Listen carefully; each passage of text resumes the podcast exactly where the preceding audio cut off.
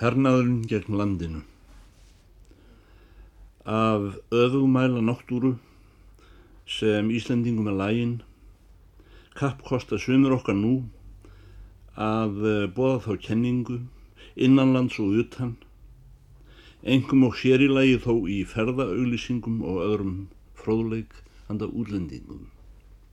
Að Ísland sé svo landa að þar gefi á að líta óspilta náttúru. Margur reynir að svæfa minnimáttarkend með skrumi og má vera að okkur sé nokkur vorkun í þessum posti. Þið sanna í málinu vita þó allir sem vita vilja að Ísland er eina landið í Evrópu sem er gerspilt af mannavöldum. Því hefur verið spilt á umliðnum þúsund árum samtímis því að Evrópa hefur verið rektuð upp. Nokkur svæði í miðjarðarhafslöndum Evrópu, engum Gríkland, komast því næst að þóla samanburð við Ísland að því er snertir spillingu lands af mannavöldum. Menn komu hér upphaflega að ósnortnu heiðalandi sem var þéttvaksið viðkvæmum norður hjara gróðri, lingi og kjarri og sumstaðar hefur nálgast að vera skólendi.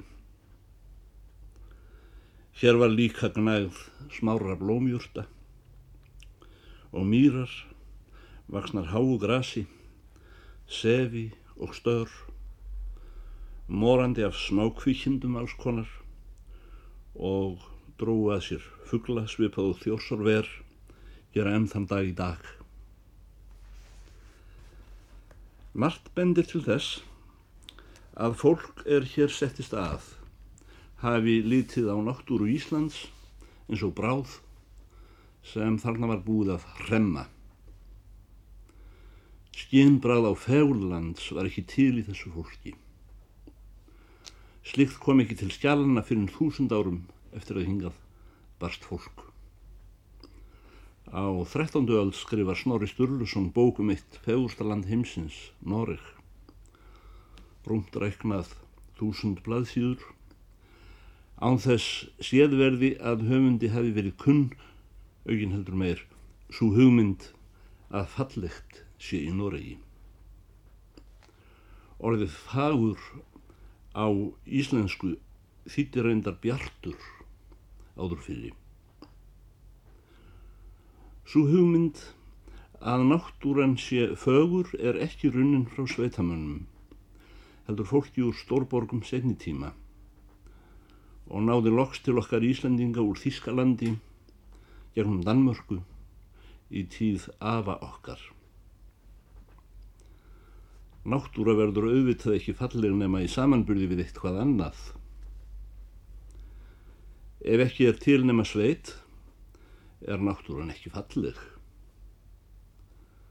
Óspilt náttúra er því aðeins falleg nú á dögum að hún sé borin saman við borgir þangað sem hann hafa flúið af því sveitinn veitti þeim ónóa lífsafkomu og búa þar nú við vaksandi óhægindi, sumstaðar eins og í víti.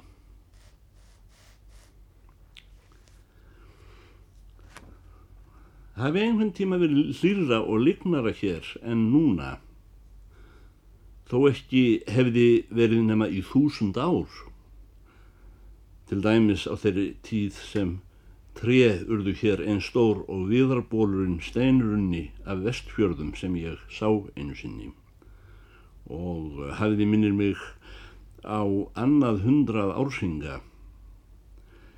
Það var ekkert því til fyrir stöðu að Ísland hafi verið grænt, kannski skóður á sprengisandi.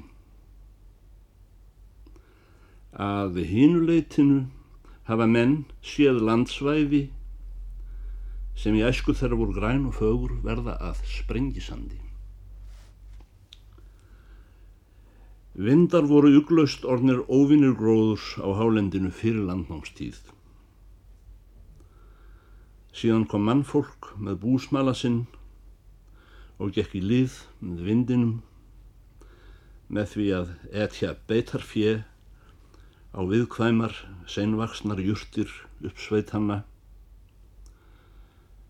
Menn voru að leita sér að tilveruhorni hver og einn útaf fyrir sig. Sumt þessara hálendisbyggða hefur að því menn higgja lagst af aftur vegna örfóks um það landnám var úti. Geitur söðfí sem og uh, smávaksinn miðaldan nautpenningur eins og hnútasú bar vottum úr surtselli sem árfærð var til ársins 940 Allt gekk úti vetur og sumar. Búsmalinn nagaði ofan í mold, þann gróður sem fyrir var. Og vindurinn var búinn að eh, feikja moldinni burt áður en hægfara græðimáttur þessa kalda loftslags fengi ráðrún til að bæta í skörðin.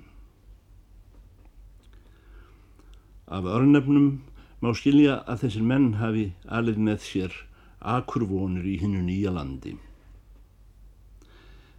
En ef þeir ekki brendu kjörrin í dölum og á nesjum til að fá sér akur, þá gerur þeir það í fjandskaparskíni hver við annan ef trúam á fornsögum. Þetta var járnaldarfólk án aðgangs að járni þeir urðu að gera til kóla ef þeir áttu að geta járn og um, þar hafa engum kjarskóarnir mátt gjalda afhróð. Auk þess var skjólgróður landsins högvinn til eldneitis allt fram á okkar dag. Með hverri kynnslóð sem kemur og fer verður flagsærið æmeira höfuð einkenni landsins. En í dag verður miklu meira land örfoka á ári hverju en nefnur árlegri viðbútt í rektun. Á síðustu áratugum hafa menn verið verðlaunadir af hennu opimbera fyrir að ræsa fram mýrar, lífsegustu gróðursveiði landsins undir yfirskinni túnræktar. Segar rætur mýragróðursins halda glúpum jarðveginum saman og vatnið næri fjölda lífrætna efna í þessum jarðvegi og elur smádýra líf sem að sínuleiti drefur til sín fuggla. Mýrarnar eru stundum kallaðar öndunarfæri landsins. Þúsundir hektara af mýrum standa nú með opnum skurðum sem ristir hafa verið í þeim tilgangi að draga úr landinu allt vatn. Síðan ekki söguna með þér. Ef tilvill var aldrei meiningin í alvöru að gera úr þessu tún. Fer ekki verða mál til að verðurlauna menn fyrir að móka ofan í þetta aftur.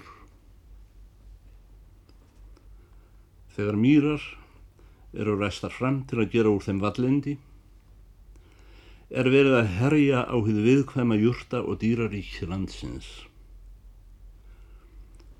Skilja menn ekki að hold og melar og aðrar eigðmerkur á Íslandi urðu til við það að vallendið blés upp. Það hefði verið nær að minnstakosti á síðustu áratugum að hvetja bændur til að gera tún úr holdum og melum. Þar er það vallindi sem ránirkjan hefur snúið í eðmörg. Friða síðan mýrannar með laugjöf.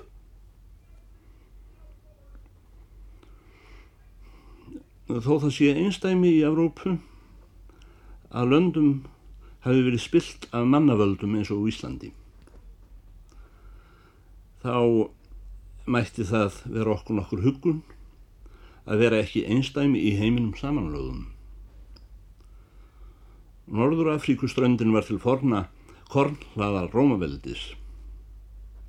Eftir fall Róms týndust hjarðmenn úr Arabalöndum inn í Akurlönd þessi yfirgefin og fluttu með sér geitfi og söðfi eins og okkar fólk. Söðkindin og geitin eru einlægt fylgifið frumstaðra bænda, auðkenni vesallar þjóðminningar. Rússar kalla þennan fjánað kýr fátækamansins. Gróður lendum fornaldarinnar, þar sem nú er allsýr, var snúið í mela, holt og sanda, nákvæmlega eins og hér á Íslandi. En í dag má sjá í Afríku hjarðmenn standa yfir fjesínu nótt sem nýtan dag og halda því á beit í holdum þessum og vera að mutra því til í landinu eftir því hvar falla skúrir og einhverjum holdagróðri kann að skjóta upp. Þarna er reyndar hægt að hafa söðfjö úti allan ásins ring en maður er nógu fátækur til að liggja úti með fjesínu eða nógu mikil sjeik til að eiga nokkur túsund rollur í vörslu, ekki vel framgengina smalamanna, en uh, situr sjálfur einhver staðar þar sem rommið er skynnt ómælt. Lönd söður hérans einn, svo sem Argentína, hanga enn í því að minnstakosti sumstaðar að hafa náttúruleg skilirði til söðfjörðræktar. Í Patagóníu gengur fjö sjálfala vetur og sumar í vörslu ríðandi fjárhyrða og ekki ótítt að einn söðamiljóniri eigi þar 100 til 200.000 hjörð. Í svona löndum er enginn teljandi kostnaður við framleiðslu söðakjöts nema slátrunarkostnaður. Ætli Ísland sé ekki einna óhendast land og mest öðumæli til söðfjórrektar af öllum löndum heims. Það er minnst að kosti eitt þeirra fáu söðfjólanda þar sem ekki er hægt að vera út í haga og gæta hjarðarsinnar á jólanóttina eins og hyrðarnir gerðu í Betliheim. Heldur verður hjá okkur að heia þessari skeppnu vetrarforða með ærnum tilkostnaði og reysa yfir hana hús þar sem hún er látin dúsa helming ársins. Stundum meira segja alin á korni vestanum haf og samt í meira lagi óbeisin á vorin.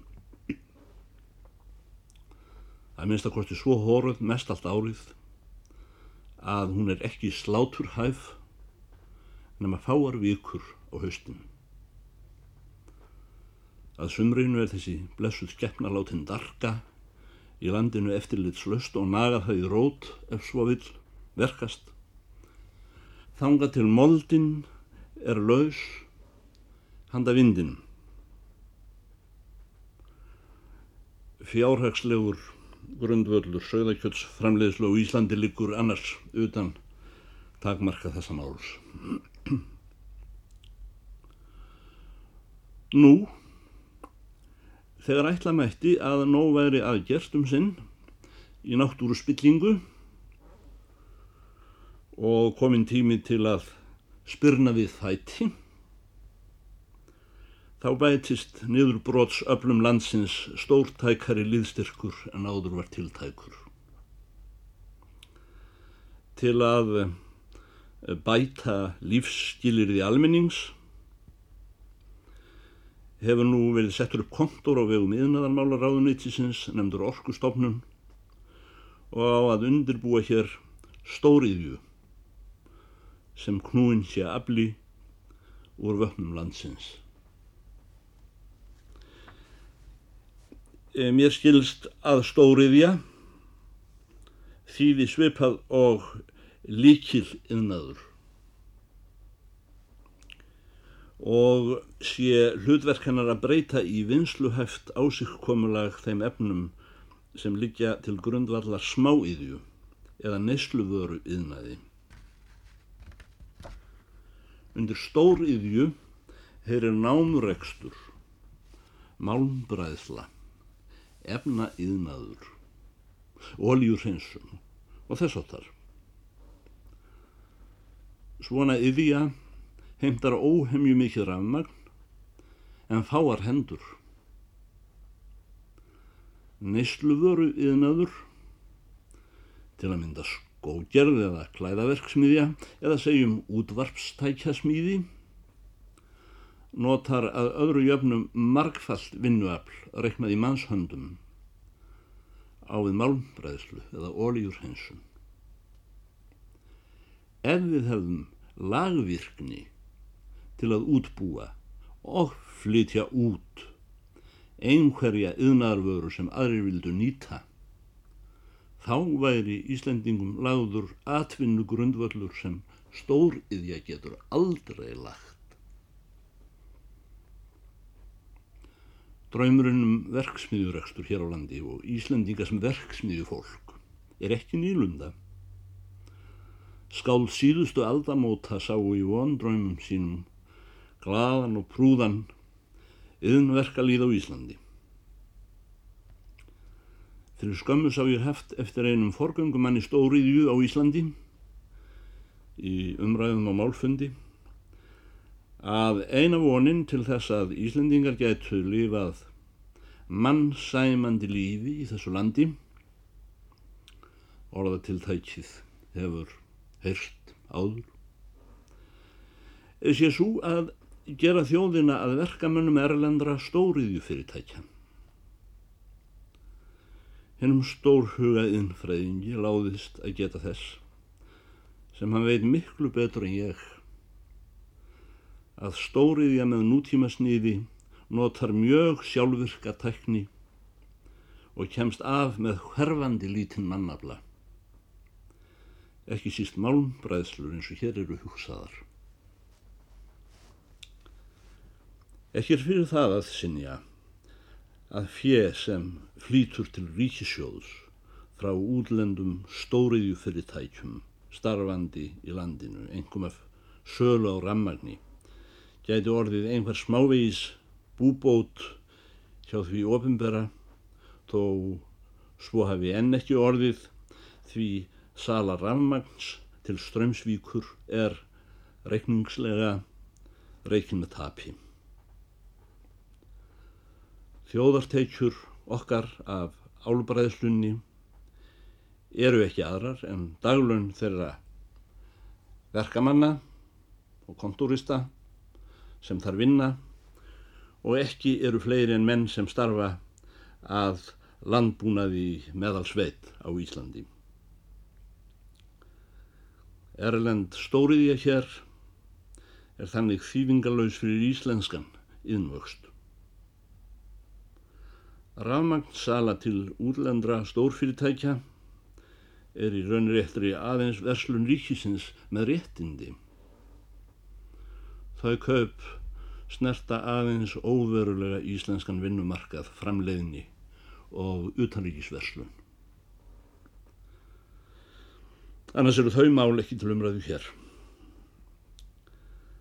Vandræðin byrja þegar stopnun sem fæst við niðurskipun orkuðera handa einhverju tilvonandi stór íðju veitir virkunarfyrirtækjum fríbref til að darka í landinu eins og nauti flægi og jafnvel hillast til þess að skaðskjemma ellegar leggja í eyði þau sérstök pláss sem vegna landkosta náttúru dýrðar ellegar sagnhelgi eru ekki aðeins íslensku þjóðin í hjartfólkin heldur njóta fræðar um víða veröld sem nokkrir eftirlæti skimsteinar í jarðarinnar. Ég sagði að vandamálið væri ekki stóriðja sem demt væri yfir okkur með offorsi að nöðsynjalauðsu.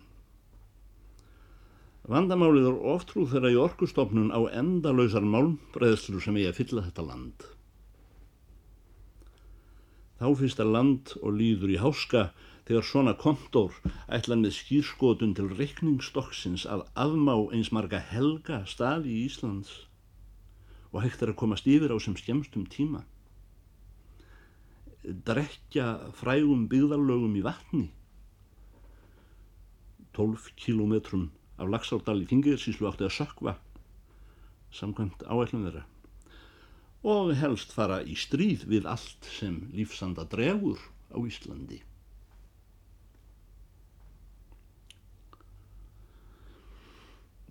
Nokkrir fátækir bændur hafa löngum átt búsín kringum fjallavatn á fornu jarðeldasvæði sem er eitt meðal náttúru undra heimsins. Mývatn. Hér hefur orðið til gegnum tíðina eitthvað fegursta jafnvægi sem þekkt er á byggðu bóli í sambúð manna við lifandi náttúru. Óteljandi eru þeir náttúru skoðarar og vísindamenn og náttúru vendarmenn, svo lærdómsmenn alls konar og listamenn hvaðanæfur heimi sem talað hafa og skrifað í sömu veru og þýskur fræðimaður og forgangsmaður náttúru vendar í landi sínu, Dr. Pantser, gerði í suma leið, hann segir Lagsár og Mývasvæðið er sérstæðasta og dýrmætasta vatnasvæði í heimi frá líffræðilegu og náttúrufræðilegu sjónarmiði séð, skrifur hann. Við mývatn byggur til skamstíma þess konar menn og við munum marga þeirra enn sem á hverjum tíma Íslandsögunar hefðu verið kallaðin mann val og svo hefði verið hvar sem var í heiminum. Þó þeir innu hörðum höndum og getu aldrei orðið ríkir, þá voru þeir andlegir höfðingsmenn. Verðmæti þeirra voru ekta. Þeir orkuð ámann eins og prófessorar frá einhverjum hennar betri háskóla. En stundum eins og veru þær komnir öldungar er staðið hefðu upp af bekk sínum hjá agli og njáli til að ræða við okkur um sinn. Margir þeirra voru þjóðkunnskáðut. Einn þeirra, Sigurður á Arnarvatni, hann orti um Mývasríkið þessa ljóðlínur hér á andin óðul sín öll sem verða á jörðu fundin. Ég man þá tíð að sumum þótti þetta í meira leið djúpt tekið í árinni. En núna, þegar verður að basla við að tortíma mývatni, finnum við að hver stafur í þessum vísu orðum er gull. Sannar var ekki hægt að segja það. Í okkar parti heimsins á öll þegar allir eru orðnir fátækir af því að vaða í einskísnýtum penningum. Þá er þeim mannum hættast sem hafa ekki áður nóðað hinn þjætta leður. Að hlunfara svona menn heyrir undir lámál viðskiptalífsins. Nefna bændur við mývatn, frægir af sambílisháttum sínum hver við annan og við náttúruna kringum sig og þetta er því eina gull sem skiptir máli á jærðuríki og flórgóðin hefur í þúsund sumur og kannski þúsund sumrum betur verpt í sefinu nöður undan bænum þar sem vatnið skerst inn í túnið þanga til í sömar. Þessir menn vakna nú uppið það einn góðan veðurdag að hinnu fagra lífi mývas hefur verið snúið í skarkandi stóriðju og þjóðin öll, við sem tygnuðum þetta norðlæga landspláss þar sem lífgeislar í íslenskra náttúru eru dregnir saman í eina perlu. Við uppgötum, einnig um seinan, að þessi staður sem hefði átt að standa undir þjóðgarðslögum samfara fullkominni náttúruvend hefur verið afhendur erlendu félagi til að klessa niður einhvers konar efnabrenslu helvíti á Vassbakkan. Það var þetta sem gerðist þegar mývatni var fórnað fyrir Kísilgúrstasjón. Fjalladrottningin sem elskulegur snillingur sveitarinnar ortjum og all landið söngum, hún var seld. Það er huggun harmi gegn að fyrirtækið hefur enn ekki veitt upphafsmannum sínum annað en skell fyrir skillinga. Það hefur reynst nefn dýrt spög að skemma mjög vatn. Á fyrsta ári stasjónarinnar urðu eigendur kísilgúrsins fyrir 33 miljón krónar tapi á rekstrinum. Útkomu síðast árs hafa þeir ekki gert heyringuna. Borin vona hagurinn fari batnandi. Af kísilgúr er það að segja að fjarrir því sem stundum er látið í veðri vaka að þessi málmleysingi eins og jarðfræðingar vorir hafa þýtt ennsku glósuna non-metallic metal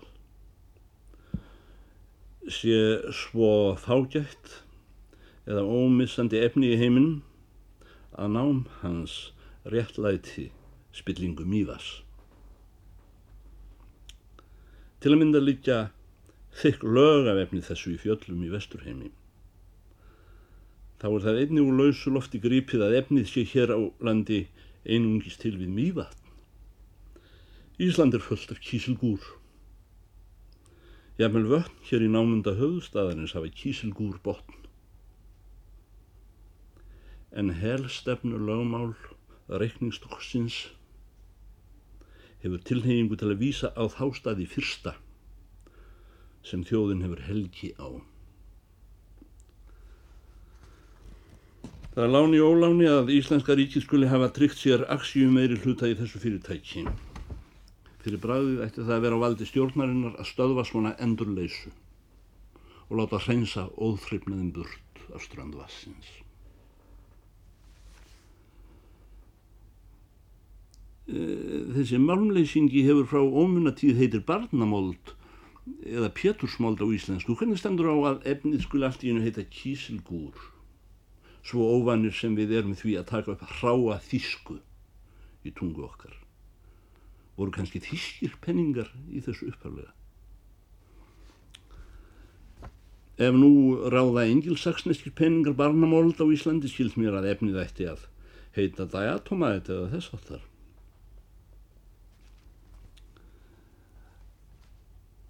Lagsár virkjunarstjórn á Akureyri gerir áætlanir með fulltingi orkustofnanar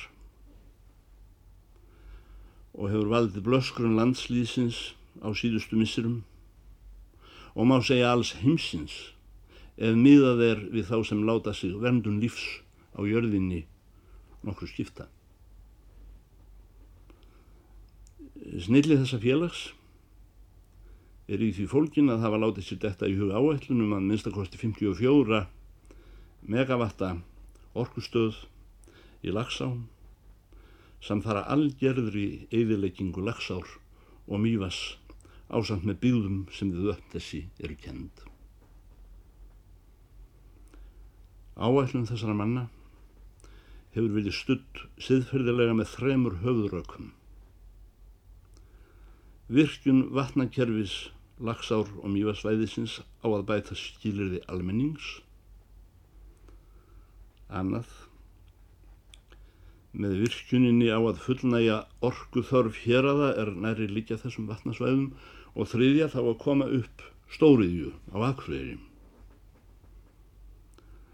Hafi höfundur þessa máls, um ískilið málflutningin er ég reyðu búin að leiðrétta.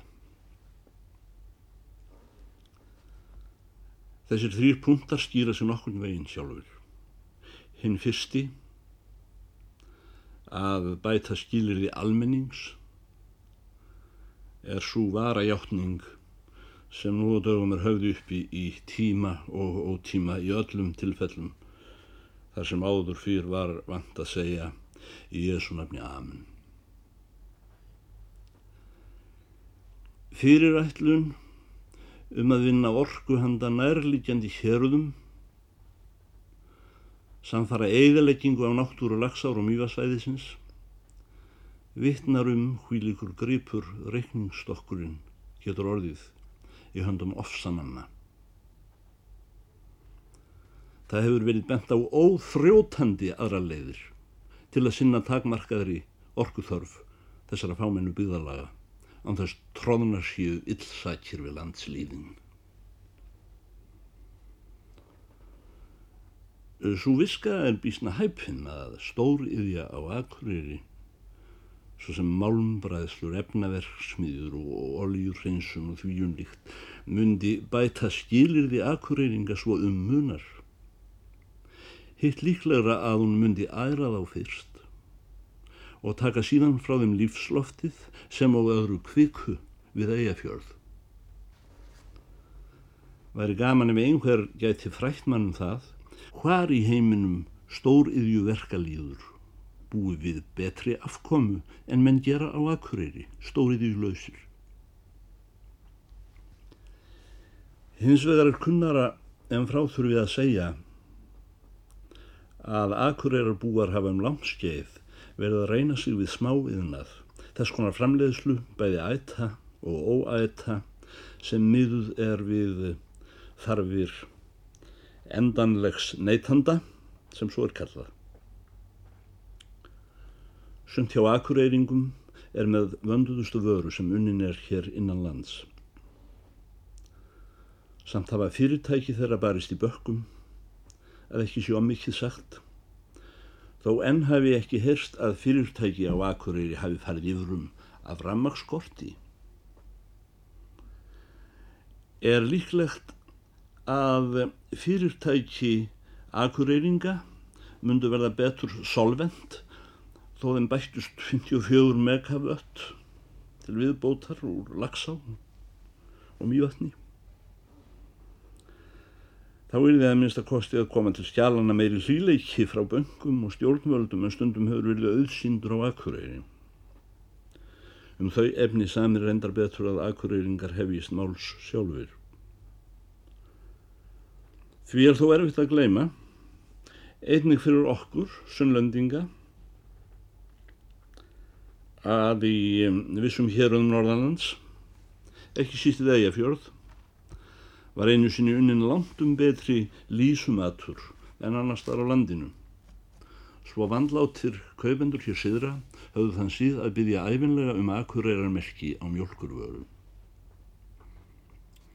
Í þann tíma var það talið fjandsamlegt líðræði í landinu ef einhver framleiti betri vöru en annar.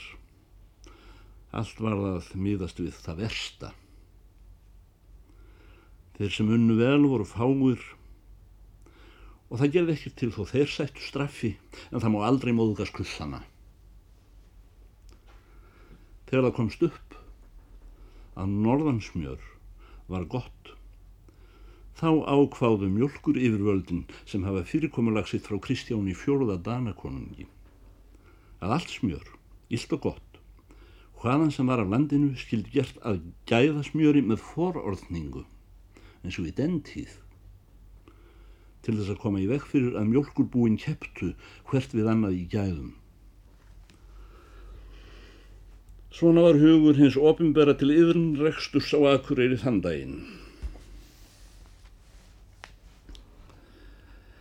Annað dæmi um ást hins ofinbera á yðnaði akureyringa. Einn frægust verksmiðja á Akureyri er bjórgerðin. Ekki þó vegna þess að hún selji drikk hæfan bjór. Heldur aft við hún er af yfirvöldunum látin hella nýður drikkhæfum bjór. Þetta inn fyrirtæki starfar undir lögjöf sem skildar það til að framleiða svikna vöru, svo kalla pissuvatn í stað öls handa Íslandingum og sem sjáum á er nafngiftin frá dönum nokkrum sem urðu fyrir þeirri reynslu að smakka þennan vökfa. Á dögunum varð af mískáningi úr þessu eitthvað sem líktist drikkhæfum bjór. Lögreglan á Akureyri satt fyrir hjá ljósmyndara, einkennis klætt meðan hún var látið verið að hella nýður þessu voðalega eitri í tónnatali. Því bjór er svo eina tegund eiturs sem bannað er með lögum að hafa um hönd á Íslandi að arseníki ekki undanskildu. Þegar málsvari úr orkustofnun var krafinn sagna í opimberum fjölmiðli í sumar kom upp úr honum að 54 megavatta orku verið fyrirhugaða í lagsára og mývasvæðinu væri raunar ekki ætlað Íslendingum. Við værum alltaf litlir fyrir svona aflstöð. Hér var verið að hugsa um ímyndaðar þarfir stóra orkunótenda, útlendra, á borð við Aluminium Swiss. Þeir aðiljar voru að vísu en ekki fættir, ekki einu sinni kollinum á þessum blessunum manni sjálfum. Heldur vonaðist hann til að þeir myndu gefa sig ljós um það er virkuninu verið lokið. Sem sé 54 megavött upp á grín og kannski. Má vera svislendingar komið með heims frægar beljur sínar og setja upp á Akureyri smjörbú handa Evróp. Vash Swiss. Svissar eru líka meistarar í bjórgerð, kannski hugur hins opimbera er því hlýrri, gagvart bér Sviss en ei fyrskum bjórgerðanum. Annar kontóristi úr orkustofnun kom í útvarpið og talaði um gullfoss. Rannsóknir og mælingar hafi verið gerðar á fossinum, sagði þessi maður, og hægt að leggja til aðlögu við vassafl þetta með litlum fyrirvara. Eru svona ræður haldnar til að storka landslýðinum eða hvað? Engin virtist þó kippa sér upp. Landslýðurinn hlustaði með þólinnmæði sem ótti heita kristileg. Manni skildist að Guldfoss ætti að vera hafður í nýjar málmbræðslur, meira alumínium, að sínuleiti eins og vakir fyrir lagsárvirkjuna nefn nýrðra, stórir orkunótendur að utan gefa sig vonandi fram. Það var fróðlegt að heyra að Gullfoss hefði líka verið tekin í karphúsið af verkfræðingakontóru innaðarmálur á nýttisins. Æsku minni var til kona skamt frá Gullfossi, Sigriður nokkur í Brattholti og let til sín taka í samskonar máli þegar útlendir og innlendir ofurhugar ætlu að taka höndum saman og gangi skrokk á gullfossi. Slíkar konur viljast því miður vera horfnar úr nágræni þessa vassfalls. Málsvari orkustofnuna lýsi því að vendanleg virkun fossins er því framkvæmt þannig að farvegi hvítári er því breytt en fórstæðið þurkað. Þó hafði hann í pókahorninu einkennlega viðbót við hugmynd sína. Hann gerði ráð fyrir að tilfæringar eruðu settar í ána til að hleypa fossinum á aftur ef túristar kæmu svo að hægt væri að kræla út úr þeim svo litin aðgangsæðri. Spurning hvað hefum við Íslandingar að gera við alla þessa peninga þegar búið að út anskota fyrir okkur fegurtstöðum landsins? Hugsanlegt svar, fljúa til Mæjorku, þar sem þeir kuskengja rommið ómælt. Því eru við haldið fram að um, þó Íslandingar séu fullir að vara þjónustuð romantískan skálskap eða er bátt með að sína í verki það sem þeir eru með á vörunum meðan þeir eru að fara með hvæði Jónasar og Stengrims um kristalstærar ár eru þeir kannski að keppast við að fylla þessar ár af sorpi. Þeir sem vaða mest uppi á ofnbærum vettvangi tala oft eins og þeim veri óljóst hvað fólki er heilagt. Þess vegna saði þíski profesorin sem ferðaðist hér um árið Die Íslender respektíren nichts. Íslendingar ber ekki virðingu fyrir neinu. Það var þá sem sér að Jóhann Hannesson skaut inn. Hvað um dollaran? Nú vaða þeir menn uppi sem er mest í mun að sökva vinn þeirri sem vindurinn hefur skilið eftir í hálendinu. Þjórsárverum ríki íslensku heiðagæðsarinnar.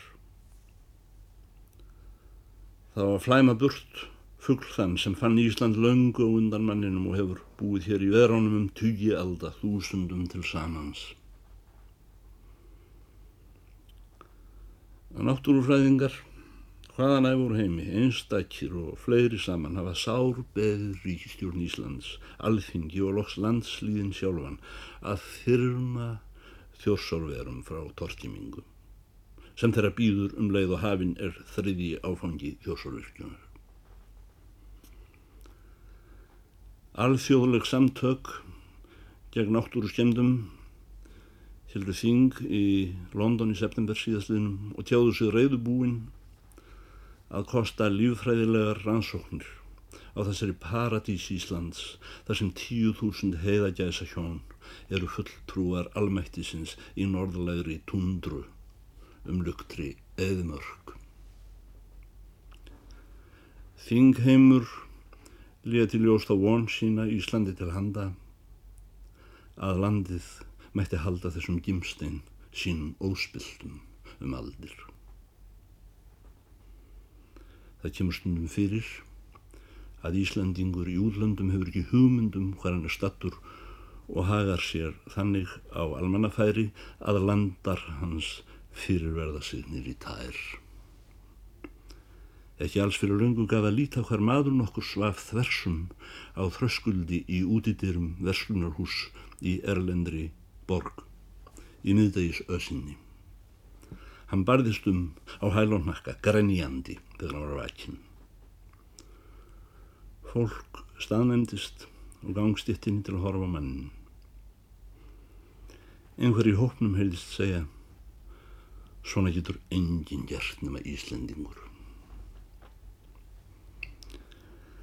Á ofangreindu alþjóðaþingi náttúruvendara í London kom aðeins einn maður fram sem andstæðingur Íslands.